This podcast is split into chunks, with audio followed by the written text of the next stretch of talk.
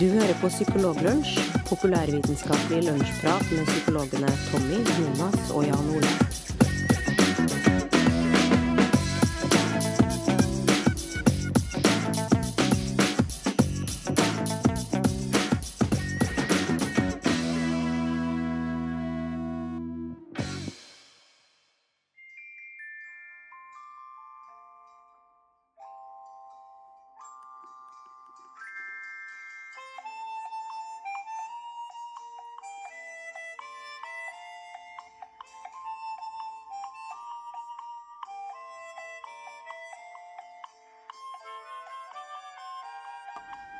Neimen, se. Der var du, ja. Ja, du kom hit for å høre på Psykologlunsj med psykologene Jan Ole, Tommy og Jonas. Så hyggelig, da. Hadde du kanskje lyst til å høre på noen saker òg, kanskje? Ja, for vi har det. Vi skal snakke om eh, hvorfor eh, Hvordan eh, penger påvirker smerte. Og så skal vi snakke om hvorfor screening ikke nødvendigvis trenger å være så lurt bestandig. Men først så skal vi også snakke med to andre karer som er introdusert i stad. Nemlig Jan Ole og Tommy. Hallo? Hallo. Hei, hei, Jonas. Det var ikke kleint i det hele tatt. Nei, det var fint, ja. Ja. Men det nærmer seg jul, eh, og det her er, er vel siste programmet vi skal ha før, eh, før jula. Så da skal Før vi julespesialen vår og julenøttene våre. Ja. ja julen. Nei, nå tuller. Det var bare tull. Det var bare tull. Trekker det tilbake. Ja, før, før vi setter i gang med noen saker, så tenkte vi at vi skulle minne dere om, eh, om noen ting. Det var Tommy som egentlig skulle, kunne tenkt seg å minne dere på det. Ja, det var at eh, jeg synes at alle sammen som hører på podkasten og som er interessert i psykologi, bør eh, gå i seg sjøl og seriøst vurdere om de skal eh, kjøpe et eh, medlemskap i Psykologiforbundet. eh, som eh, står bak bl.a. psykologisk.no, som er en av de plassene hvor du har muligheten til å høre på Psykologlunsj. Så det Gå inn på psykologisk.no og klikk deg litt rundt der, så vil jeg tro du finner fram til en side hvor det er mulig å bli medlem. Det er jo en del fordeler med å bli medlem òg, ikke det, Jonas? Det har jo kommet noen nye greier nå. Ja, altså da har du muligheten til også å få et sånt dobbeltmedlemskap og være medlem i noe som heter Association for Psychological Science. Mm -hmm. som, eh, som er en eh, veldig godt anerkjent internasjonal organisasjon som har flere tidsskrift som de gir ut. Og da får du gratis abonnement på seks av de tidsskriftene som de har. Enten eh, at du får det i mailboksen din og kan gå inn gjennom eh, nettsida deres, eller at du får det i posten. Mm. Eh, Og det medlemskapet får du med ut, eh, ut 2015, faktisk. Yes, du hadde også en nyhetssak, hadde du ikke det, Tommy? Eller skal vi, før vi går i gang med det, så tenkte vi at vi også kunne tenkt oss at det, hvis det er noen av dere som hører på oss ganske ofte og syns at det er en sånn passe grei podkast å høre på, eh, så gå gjerne inn på, på iTunes, og så eh, går dere inn på Psykologlunsj, og så skriver dere en, eh, en anmeldelse av programmet. Mm. Gi oss litt tilbakemelding på hvordan, eh, dere synes eh, podkasten er, og gi oss gjerne litt innspill på hva andre ting vi kunne ha tatt for oss. Det kan jo også Ikke, ikke kom med så veldig mye sånne innspill. Jeg syns at eh, Og så er det veldig viktig at At også de som Du sa de som, hvis du er sånn passe fornøyd eh, Det er veldig viktig at de som er veldig fornøyd, også gjør det. Ja. Og aller helst de. Og hvis du er skikkelig eh, lite fornøyd, da er det mye bedre om du skriver til oss direkte Ja. på e-posten. Vi tar imot negativ tilbakemelding. Eh, veldig seriøst. At uh, psykologlunsj.com. Der tar vi imot den feedbacken. Vi, den verdsetter vi. Vi verdsetter alle negative tilbakemeldinger. Ja. det er sant, det. Vi, ver vi verdsetter det. Og den, e-posten eh, der, det spor tilbake, så at dere får med dere hvor dere skal sende eh, de innspillene. Um, da var det nyhetssaken til Tommy. Det var det. Eh, Jeg kom over en sak her som jeg syns var litt interessant. Det var en, det en forskergruppe ved Oxford University og UCL Institute of Neurology som har oppe og gjort sånn, egentlig sånn god, gammeldags, klassisk eh, psykologisk eh, forskning for å sjekke ut hva folk er villige til å påføre hverandre av ubehag og smerte eh, i ulike situasjoner. Det er litt sånn psykologiens historie, sånn som vi kjenner den fra grunnfag. Og mm, det de, eh, det de eh, har gjort, de har delt opp folk i, i grupper eh, mellom eh, Altså om du skal gi støt til noen, eller om du skal motta støt. Og så eh, har man ikke visst før etter at man har måttet besvart en del oppgaver, om, om du er den som mottar eller ikke. Eh, sånn at det er litt sånn usikkert om Du vet ikke, da. Så du, det, her er det da spørsmål om hvor mye penger er du villig til å Eller hvor, hvor, er balansepunktet mellom å få penger og det å få støt? Altså vil du, vil du motta ti støt for ti uh, dollar, eller vil du motta 20 støt for 10 dollar, eller hva er det? Hvor mye ubehag er du villig til å tåle da, for en sum penger? Og så har de da bedt folk om å avgjøre om, om, om, det samme, altså hvor mange støt for hvor mye penger eh, til en annen person. Både til deg sjøl og til en annen person. Eh, og det som egentlig er konklusjonen med det her, da, som var litt sånn overraskende, det er det at eh, de, de, deltakerne i den studien de var villige til å eh, ofre mer penger hvis de kunne spare motparten for støt. Altså De var villige til å ofre mer penger for å spare motparten for støt, enn for å, penger de var villige til å spare for å, for å spare seg sjøl for støt. Altså De var villige til å betale eller gå glipp av dobbelt så mye penger for å unngå at motparten får et ubehag. Ja.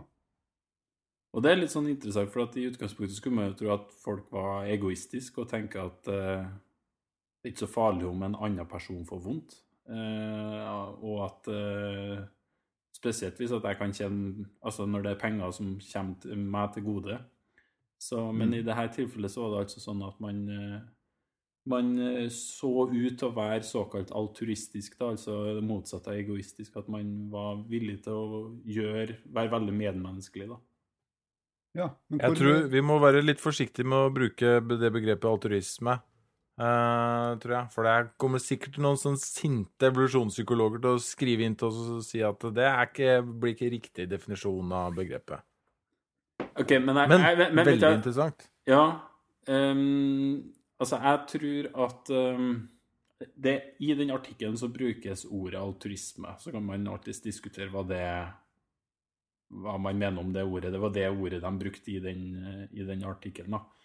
Men poenget i hvert fall er jo det her at man var villig til når, det, når situasjonen var lik for deg og for en andre person, så var man faktisk villig til å ta en større andel smerte for retta mot seg sjøl. Og så tok man etterpå, når studien var ferdig, så fikk de på en måte muligheten til å, til å donere penger til veldedighet. Og da var de like. Og da donerte alle sammen sånn omtrent 20% av det de hadde tjent i løpet av eh, eksperimentet, som er sånn omtrent det samme som de har funnet i andre studier. da. Så det studiet her skilte seg veldig ut med tanke på at det var et studie som, som viste at man eh, sparte motparten mer enn seg sjøl eh, for mm. smerte. Men eh, for øvrig virka det som det var ganske likt en del tidligere forskning. da. Så Hvor mye penger var det snakk om, da? Eh, du kunne, du kunne få opp til 20 støt og, eh, som maksimum, og opp til 20 pund som, eh, som maksimum pengesum. Ja. og alle sammen fikk et sånt støt før, før, eksperimentet starta, sånn at man fikk liksom kjenne hva, hva intensiteten var. Og det var ikke noen gradvis økning i intensitet og sånn? Nei, og det, de passa faktisk på at ikke de fikk støt underveis i studiet, for det kunne ha medført både at man blir påvirka og satt ut av at det gjør vondt, eller at man blir habituert, altså blir vant med smerten. Sånn at man, eh, man fikk ikke støtet før etterpå. etter at man har gått gjennom en rekke med sånne Vil du betale så mye for så mange støt retta mot deg sjøl? Altså en rekke sånne oppgaver. Og så helt til slutt så fikk man da eh, et utvalg av de svarene du har eh, svart, retta mot deg sjøl eller mot motparten. Ok, men da, da, hadde de egentlig ikke trengt å gitt støtene på slutten? Nei, men det var for å understreke at liksom at ikke det var bare et eh, Sånn at forsøkspersoner var klar over det, sånn at ikke de bare sånn at de bare Sånn at de var litt oppriktige da, i svarene sine. Ja. Ah. Veldig, veldig interessant det der. Og det er jo eh, Vil jeg tro at de forskerne også kanskje spekulerer i, at det er jo eh, veldig bra at det er sånn. Eh, mm. fordi eh, det er jo veldig det er veldig lurt at vi tenker på hva uh, En ting er at, vi, at, de kanskje tenker på hva andre syns om meg, hvis jeg liksom deler ut støt uh, for en uh, liten penge til andre. Mm. og det andre er også det å ta vare på andre mennesker, passe på at de ikke skader seg. Hvis alle sammen tenker sånn, så er jo det et ekstremt godt utgangspunkt for å leve i grupper. Det er sant. Som, hvor individene er avhengige av hverandre. Det er sant, men det... Eh, så det er jo uh, ganske fornuftig. Men uh, de skriver kanskje noe om det? Nei, altså, det var bare viktig å understreke at uh, det var fullstendig anonymt. Sånn at, ja, de, men, sånn at de andre Ja, men jeg tror du kanskje tapper inn på noe av det som er den menneskelige atferden, kanskje. Men i den ja. settingen så var ikke motparten klar over at du kom til å gi meg støt. De ble, ble på en måte tilfeldig utvalgt. Ja. Men uh, altså, det minner, den, uh, det minner, meg litt grann om uh, The Ultimatum Game. Ja. Kjenner, kjenner dere til det? Ja, det, er, ja, det hørtes kjent ut. En sånn spill til sånn uh, titt for tett-greier, ikke det? Klassisk, ja, klassisk spillteori. si at du får 100 kroner, og så kan du dele den med en fremmed, akkurat sånn som du vil. Ja. Mm. Og eh, så må den, eh, den fremmede kan enten si ja til det du tilbyr, og da får dere beholde pengene. Men den kan også si nei, og da mister begge pengene sine. Mm. Mm. Eh, og det folk eh, gjør da, er at de stort sett deler veldig store andeler av eh, den summen de kan dele. Mm. -hmm. Så det er slettest ikke uvanlig at hvis eh, man får muligheten til å dele 100 kroner, så gir man bort 50 kroner til den fremmede. Mm. Som man aldri får møte igjen. Mm. Så det, det, det Vi er jo ikke vi er jo ikke vant til, eller vi er ikke laget for å håndtere anonymitet. Uh, så jeg tror uh, hjernen vår reagerer uh, Reagerer ikke sånn Modererer seg ikke så veldig mye mm. når vi får beskjed om at det er anonyme mennesker i andre enden. For mm. det er jo ikke så, det er ikke så naturlig for oss å omgås masse anonyme mennesker. Mm. Men, men, apropos altruisme, så, så, er det jo, det er jo fremdeles sånn La oss si da du, du, du sa ti støt, da for 10 pund til han andre. Og så 20 eh, støt for 20 pund til meg. Så eh, hvis du da bor i en, eh, i en bygd med 600 innbyggere, så er det jo fortsatt Da, da tjener du 20 pund på deg sjøl. Men du er villig til å gi 10, gjøre noe med de 599 andre i bygda for 10 pund per. Så, så, så, likevel så, så, altruisme og altruisme. Du ender jo opp med masse mer penger, fordi at det er flere og andre enn deg sjøl. Det er det bare én av. Ikke sant. Men et sånt lite sånn ekstra ting som de også fant ut der, heller ikke noe sånn sjokkerende og overraskende, kanskje, men eh, eh, de personene som brukte For de tima hvor lang tid det tok å trykke på den dataskjermen om, om du aksepterte tilbudet eller ikke. Uh, og de som brukte lengst tid, uh, var de som, uh, som, som sparte motparten for mest smerte. og de som handla mer umiddelbart og, og, uten å tenke seg så veldig mye om, var mer Om vi skal si litt Altså at man ja, påførte andre mer smerte, da. Som kanskje eh, også ikke så Det er jo ikke så overraskende, men kanskje føyer seg litt inn i det vi tenker om eh, personer som har vanskeligheter med impulskontroll, eller som eh, er av mer dyssosial karakter, da. Ja, men Ellers så kan man jo tenke at de som brukte veldig lang tid, bare var veldig, veldig treige oppi nøtta si. uh, og at Og at uh, det er mer sånn at eh, de som ikke er sånn kjempesmarte, eh, at de er eh, snillere enn de som er veldig smarte. Det kan være. Det kan jo være. Ja, det kan være. Det er, det er plausibelt. Det er plausibelt.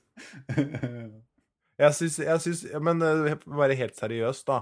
Ja. så syns jeg at det, det at de bruker la, litt lengre tid på å bestemme seg, at det er ikke, en, er ikke en god indikasjon på det faktum at det lønner seg å tenke seg om, og at det, det at du tenker deg om, fører til at du blir uh, mer uh, altruistisk og Mm. mer empatisk. Mm. Nei, men da, da kan jo kanskje tenke litt Hvis vi tenker litt sånn Kanemann, eller hva det nå er, så, så kan jo si at eh, den umiddelbare responsen om bare profitt kanskje ikke er det beste i det lange løp. At det kan være, som du er inne Ja. på, at det er andre faktorer eh, i den menneskelige, det menneskelige samspillet når vi skal være i en flokk, som har betydning. Ja. Ikke sant? Og det krever litt ekstra kapasitet. Det krever litt ekstra tankegang, ja. Enig. Kanskje. Mm. Men eh, på en annen side, også, hvis du har en person som du, du faktisk kan få penger av hvis du gir den et støt, så er det best å gi den litt sånn Gi den en sånn moderat dose den første gangen. altså så at du, du har den som en vandrende pengebok. Det er jo ikke kjent med at han, eh, at han blir dårlig og, og går utover eksperimentet senere. Ikke sant? Og bare så du vet det, så finnes det jo noen som gjør det her helt gratis også. Ikke sant? Og driver og påfører seg selv smerte. Så Det er sant. Ja, vi vi snakka jo tidligere episode om det her med folk som kjeda seg, som heller påførte seg sjøl støt i stedet for å kjede seg, som eh, også var ganske interessant. Så kanskje, Det er veldig- kanskje det er det? Altså, de bare er veldig redd for at andre mennesker skal eh, Eller at de er redd for å kjede seg, og at de heller vil andre mennesker vondt. At de liksom eh, eh, det, Ja. det, det, det, jeg, jeg gir meg sjøl støt for å ikke kjede meg, mens du fortjener bare å kjede deg. nå begynner det å bli komplisert. eh, Ja. Det begynner å bli ganske avansert. Jeg tror Ja, vi begynner, jeg tror vi er begynner å nærme oss noe som er helt riktig nå. Ja. Ja, nå, nå, Det som, det som, nå, det, det som i hvert fall er sikkert, det er at det mangler ikke på psykologisk forskning som involverer støt. Det gjør det ikke. Det, det har det aldri gjort. Nei. Og da, vi, vi kan eh, på, Jeg leste på psykologisk.no, så har de skrevet en fin sammenfatning av eh, Milgrams eh, eksperiment, så vi kan godt legge ut en, et, en link til det da, til, i podkasten vår. Det må vi få til. Da skal vi over på eh, mer psykometri og psykologisk testing, og kanskje også screening av psykiske helsevansker, og litt annen type screening av helseplager generelt også, som du har skrevet en artikkel om på psykologisk.no nå nettopp, eh, Jan Ole? Det har jeg. Jeg har prøvd å samle noen uh, forskjellige tema og tanker uh, som, uh, som betyr mye for meg. eller som jeg har tenkt mye på, da. Og det er Det er det faktum at vi lever i et slags sånn testvelde Mm. uh, i dette landet. Uh, vi undersøkes fra vi Egentlig fra vi unnfanges. Vi eh, går jo og drar jo på ultralyd. Allerede før vi blir født, så blir vi undersøkt. Ja. Uh, og så undersøkes vi jo masse med en gang vi blir født, og på massevis av helsekontroller. Det er faktisk Jeg sjekka det. Det er Du har, hvis du går inn for det, så kan du gjennomføre eh, 17 helsekontroller på ditt barn. Yes. Det er ganske mye. Eh, og så skal man jo til tannlegen og undersøkes, til legen og undersøkes. De tar noen eh, tester på skolen, eller ganske mange tester på skolen. Kartleggingsprøver. Massevis av eh, tester som du skal gjennom i en eller annen form, som, eh, eh, som gir deg et svar på om du eh, om du er i en risikosone for en sykdom eller en plage eller en eh, mulig evnesvikt, da. Mm. Mm. Eh, og det føles eh, kanskje trygt å ha denne testingen, men så eh, leste jeg en bok for en stund siden som, heter, som jeg har nevnt før også, som heter Overdiagnosed, Mm. uh, av en amerikansk lege som heter Herbert G. Welsh, uh, som jeg anbefaler alle å lese.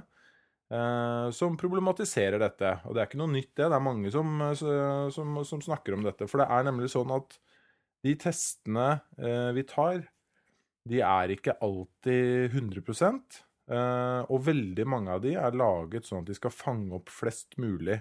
Ja. Uh, sånn at du Sånn at de i hvert fall skal være sikre på å få med seg de som uh, er plaget av det man tester for. Eh, og det som skjer da, er at man sitter igjen med ganske mange som slår ut på disse testene. Mm. og som da ender eh, en del av de i et løp innenfor helsevesenet som kanskje ender med feil diagnose og ikke minst eh, mye bekymringer. Og kanskje feilbehandling eh, også. Mm. Det er Det synes jeg vi, vi snakker litt sånn generelt lite om når vi, eh, vi som helsepersonell også setter i gang med Vi har veldig lett for å sette i gang med mye testing, vi også. Vi som sitter der med og skal ta imot folk. Ja, ja for, fordi at det, det er jo ofte sånn eh, så, vi, vi er jo kanskje litt redd for å gå glipp av noe. Helt klart. Så, der, så derfor, eh, derfor eh, har vi kanskje en tilbøyelighet da, til, å, til å gjøre masse screeninger, eller i hvert fall inkludere eh, litt for mange screeninger i ulike ledd, selv om vi ikke hadde trengt det. fordi at det er ikke noen beskrivelser eller det er ikke noen klare indikasjoner på at vi skal gjøre den type screening. Det, Eh. ja, det tror jeg er én ting. Og så tror jeg også at eh, i hvert fall hvis vi snakker om psykiske helseplager, da, ikke nødvendigvis psykiske lidelser, men psykiske helseplager og, og, og det som kanskje grenser hvert fall opp mot psykiske helseplager, sånn som trøtthet, smerte, eh, slitenhet, eh, litt nedstemthet eh, og litt sånne typer litt, sånn di, litt diffuse symptom, om vi vil kalle det det, så tror jeg også at det er litt sånn at person, helsepersonell, altså enten det er fastlege eller helsesøster eller hvem det nå er som møter personer som snakker om det her, eh, så, så er man også veldig fort på den at det, det, det er viktig å gjøre noe, selv om ikke nødvendigvis du har noen god idé om hva det skal være, men det er bedre å gjøre noe enn å la være. Mm. Eh, både fordi at man er en snill og omtenksom person hvis man gjør det.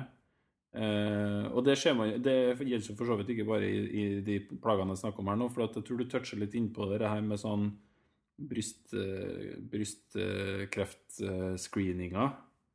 Ja. Jeg tror kanskje jeg har snakka om det før, og det der at den systematiske screeningen for brystkreft som kanskje i enkelte tilfeller, hvis man gjør det, så ender kanskje flere folk opp med et negativt utfall enn om de ikke hadde gjort det. Ja, nå, husk, nå har jeg ikke det sånn uh, regnskapet i hodet, men, uh, men i hvert fall uh, sånn rutinemessig screening av kvinner i sånn type 40-åra, altså unge, forholdsvis unge kvinner, da. det fører til en veldig høy andel som blir feildiagnostisert. Som, eh, hvor, man, hvor man faktisk ender opp med å si til ganske mange at du eh, På den prøven her så ser vi at du har kreft. Mm. Du må opereres, eh, selv om de eh, ikke har det. Og det er jo ikke uproblematisk. det-.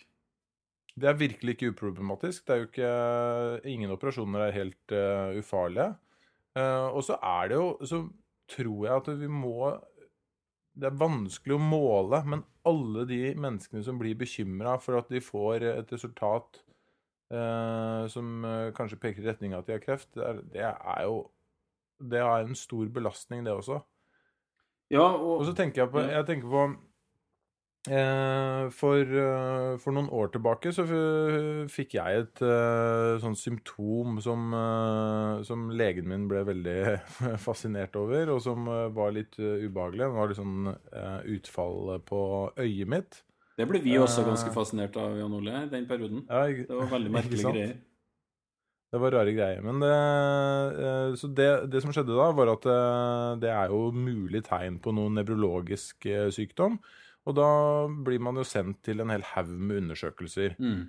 Eh, til eh, Du blir sendt til CT, du, eh, MR, eh, blir tatt noen blodprøver.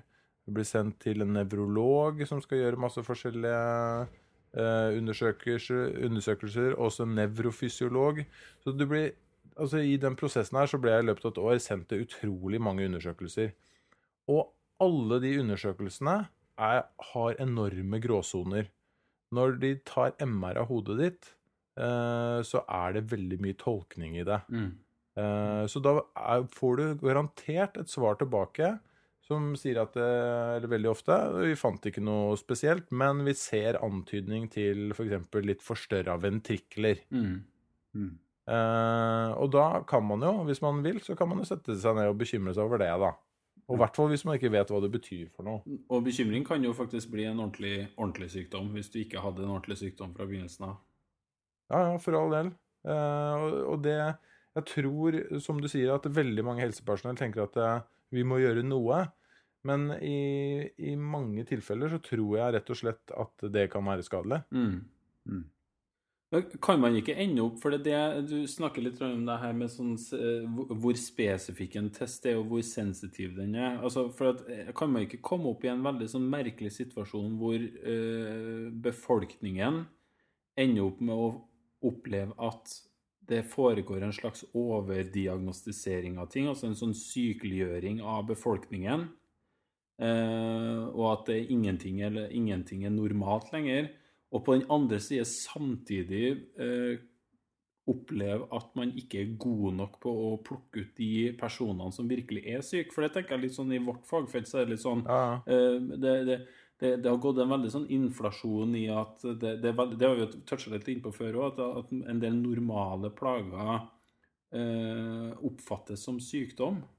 Men på den andre sida så er det jo helt klart mange mennesker som har skikkelige store psykiske plager som ikke blir fanga opp, og som kommer i avisen og sier at 'jeg får ikke hjelp for de problemene jeg har', osv. Mm. Ja, nei, vi, vi snakker jo Vi snakker jo der på en måte både om eh, det som kalles falske positive. Altså når vi sier at noen har en eh, plage, og så har de ikke en plage. Mm. Eh, og falske negative. Mm. Det er det du tenker på, ikke sant, Ja, Tommy? ja, ja. Så det falske negative er jo når vi sier at uh, du har ikke plage, men så har du egentlig det. Får Og de begrepene, litt, de begrepene der er kanskje ikke sånn supergodt egna i uh, psykisk helsevern, men det går, er jo ikke helt galt å bruke de heller. Nei, og jeg tror at litt av problemet blir eh, sånn som du snakker litt om når du har tatt den ADHD-testen, da. Eh, Fordi at de testene utgir seg for å være med en, at de har en sånn legitimitet, at de har en At de har en eh, Det er noe, noe korrekt og noe Hva heter det? Altså at eh, de her testene de, de utgir, utgir seg for å være eh, oppriktige og, og nøyaktige, og så er de kanskje ikke det. Eh, fordi at man kan jo, sånn som du sier, jeg tok jo en test. Den viste jo at jeg, at jeg hadde noe problem. Og da må det jo være riktig. Ja, altså bare for å ha sagt det, så øh, for de som ikke har lest uh, den uh, artikkelen, så tok jeg en sånn ADHD-test som brukes veldig mye uh, i uh, norske helsevesenet og av fastlegene. Eh, og den fikk jeg da sannsynlig ADHD på. Og det fikk du også, Jonas. Du har tatt Ja. den samme. Ja, jeg fikk Ja. akkurat samme resultatet. Det var, var jo interessant, da, for det Det, det, det Det eh, visste ikke jeg at jeg ville få som resultat i utgangspunktet. Nei, og jeg ble litt, jeg ble litt overraska jeg har brukt den testen mye selv, altså. Mm. Eh, og det jeg ble litt overraska over, var, var uh, hvor, uh, hvor lite som skulle til. Og, og som vanlig så handler det jo veldig mye om hvordan man tolker de spørsmålene. Det er Mm. som er nok ganske stor individuell variasjon på. Men eh, jeg syns at det skulle ganske lite til for å få det, for å få det utslaget, så jeg undersøkte litt eh, ekstra grundig eh, hvordan det sto til med den testen. Og det viser seg jo da også at, man, at man skal være ganske forsiktig med å bruke den uh, i dette landet, fordi man ikke vet så mye om den, egentlig. Uh, men det hindrer jo ikke folk i å bruke den likevel, da. Mm.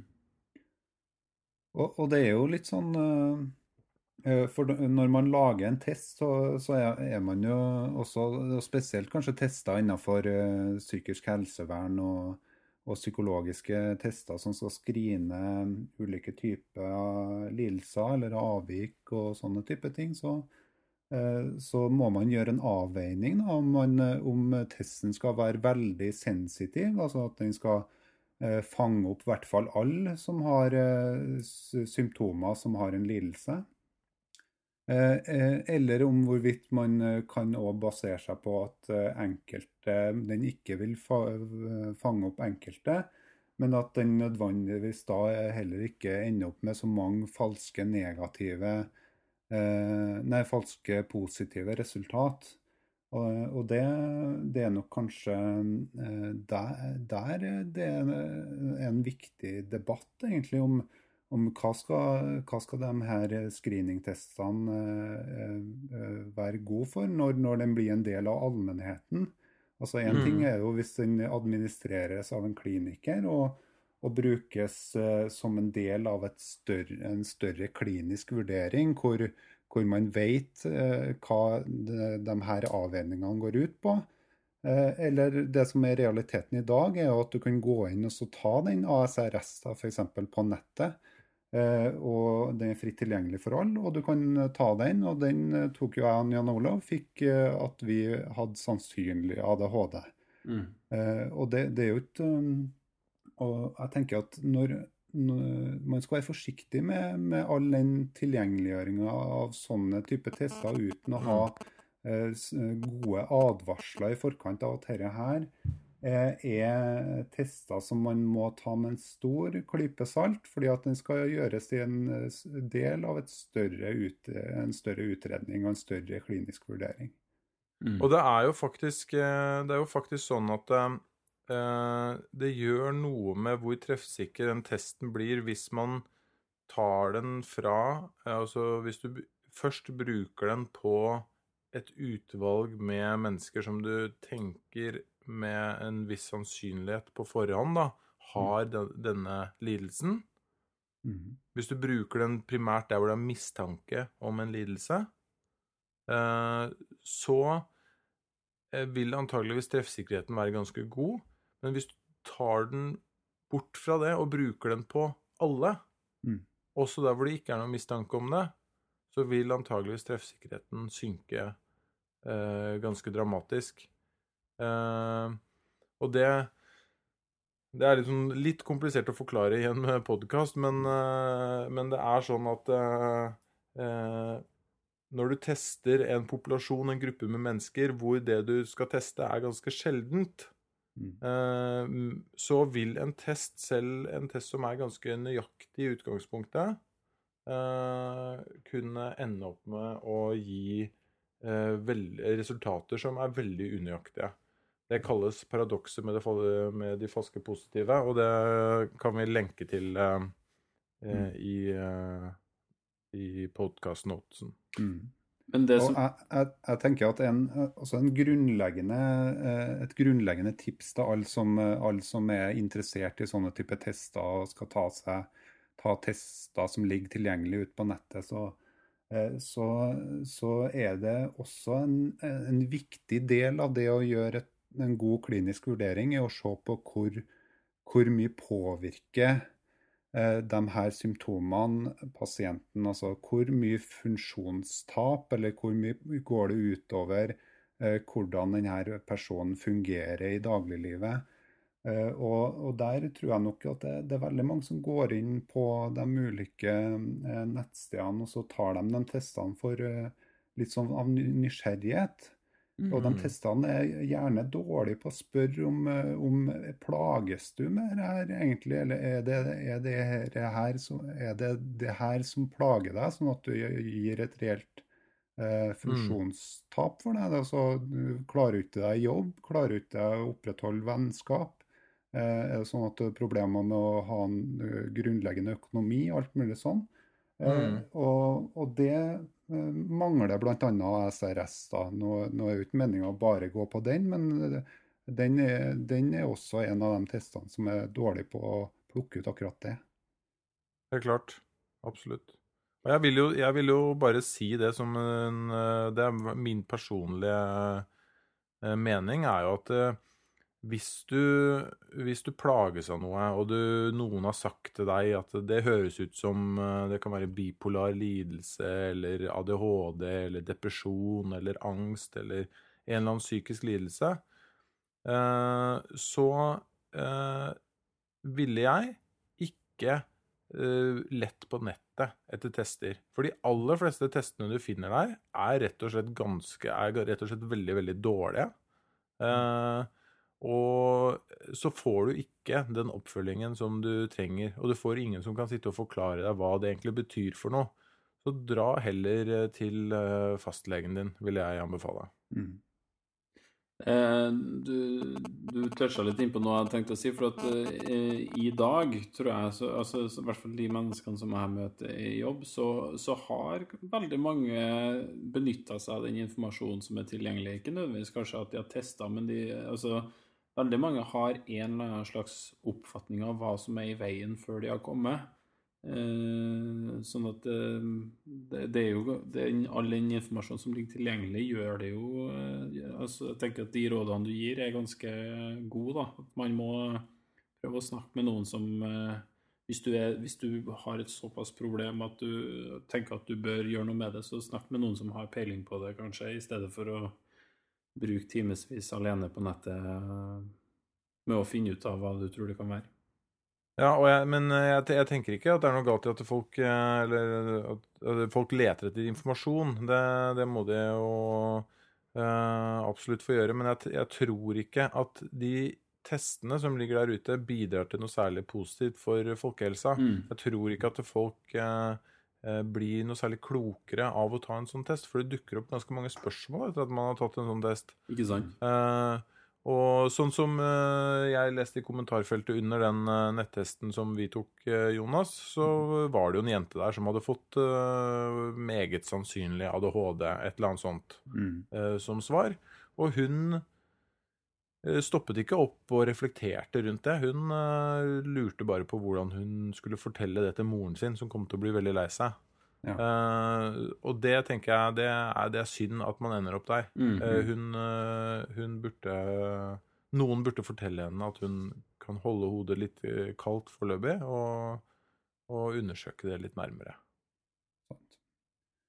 Uh, men uh, samtidig så understreker vi da, sånn som Jan Ole var inne på, at vi, vi, er jo tilhengere av tilgjengeliggjøring av psykologisk kunnskap og av uh, psykisk helse og sånne ting. Men det er, skille, det er egentlig å skille det som går på uh, ren sånn for, for, det svaret du får av sånne type tester, er ganske sånn bastante svar som, er, som skaper uro og, og kanskje mer bekymring.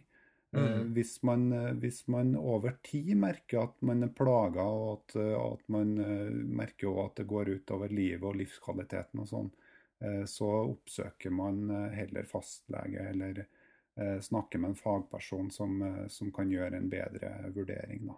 Mm. Okay. Um, da nærmer vi oss slutten, gjør vi ikke mm. det?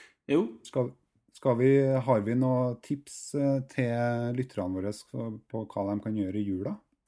Jeg synes i hvert fall Jeg eh, vet ikke om det var det du tenkte på, Jonas. Men jeg synes vi kan eh, kjapt bare nevne det vi starta med. Nemlig vurdere et medlemskap på, på, på Psykologiforbundet. Og vurdere en runde innom iTunes og se om du kan gi en tilbakemelding på hva du syns om podkasten. Det Hvis det er positivt, Hvis, det du ja. har å meddele. Hvis det er negativt, så kan du skrive til eh, En gang til. Psykologlunsj, derimot eh, spennende og interessante tilbakemeldinger. Takk. Setter vi stor pris på. Også negative tilbakemeldinger at psykologlunsj.com. Da ønsker vi god jul. Eh, håper dere får masse fint eh, under treet. Ha det bra.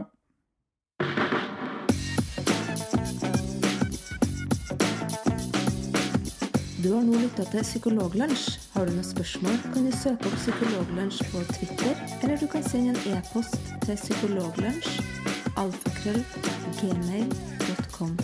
Mer informasjon om temaet du har hørt i dag, finner du på psykologibloggen.no og tankesmed.no.